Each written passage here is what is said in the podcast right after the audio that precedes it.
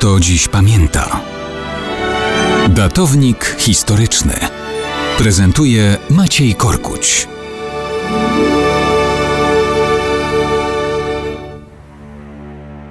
Mało kto dziś pamięta o Marii Jakubiak z Opolszczyzny. Zwykła polska dziewczyna, która wraz z mężem i dwójką dzieci pojechała do USA w poszukiwaniu lepszego życia. Pracowała jako księgowa na 93.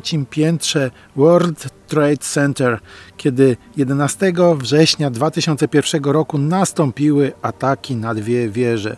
Zginęła wraz z 2753 ofiarami tychże wydarzeń. Inną ofiarą zamachów z Polski była księgowa innej firmy Dorota Kopiczo z Augustowa.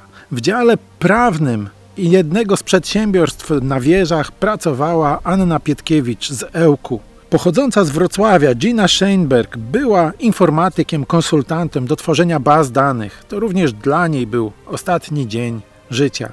Jan Maciejewski ze Zduńskiej Woli pracował na stałe jako kelner w restauracji o zgrabnej nazwie Okno na Świat. Nie musiał być tego dnia w pracy na wieżach, ale kolega zapytał, czy nie mógłby go zastąpić. Zgodził się i zginął. Natomiast tylko na czas wakacji znalazł pracę w zlokalizowanej w WTC kawiarni Łukasz Milewski z Suwałk. Za chwilę zamierzał wracać do kraju. Już nie zdążył. Szybkie zlecenie prac remontowych na 104 piętrze jednej z wież realizował Norbert Szurkowski, skądinąd syn sławnego kolarza. Był szczęśliwym ojcem, wraz z żoną oczekiwał drugiego dziecka. W WTC był pierwszy raz w życiu. To miało trwać tylko dwie godzinki. Józef Piskadło z Żagania, podobnie jak Norbert Szurkowski, w ogóle w WTC nie pracował. Był stolarzem, akurat tego dnia przyjechał na 107 piętro tylko po to, żeby wykonać proste stolarskie zlecenie przy meblach. Cóż, śmierć tam znalazło również kilkoro policjantów polskiego pochodzenia. O nich i o wszystkich ofiarach tamtego dnia powinniśmy pamiętać. Przez całe wieki Polacy i nie tylko Polacy modlili się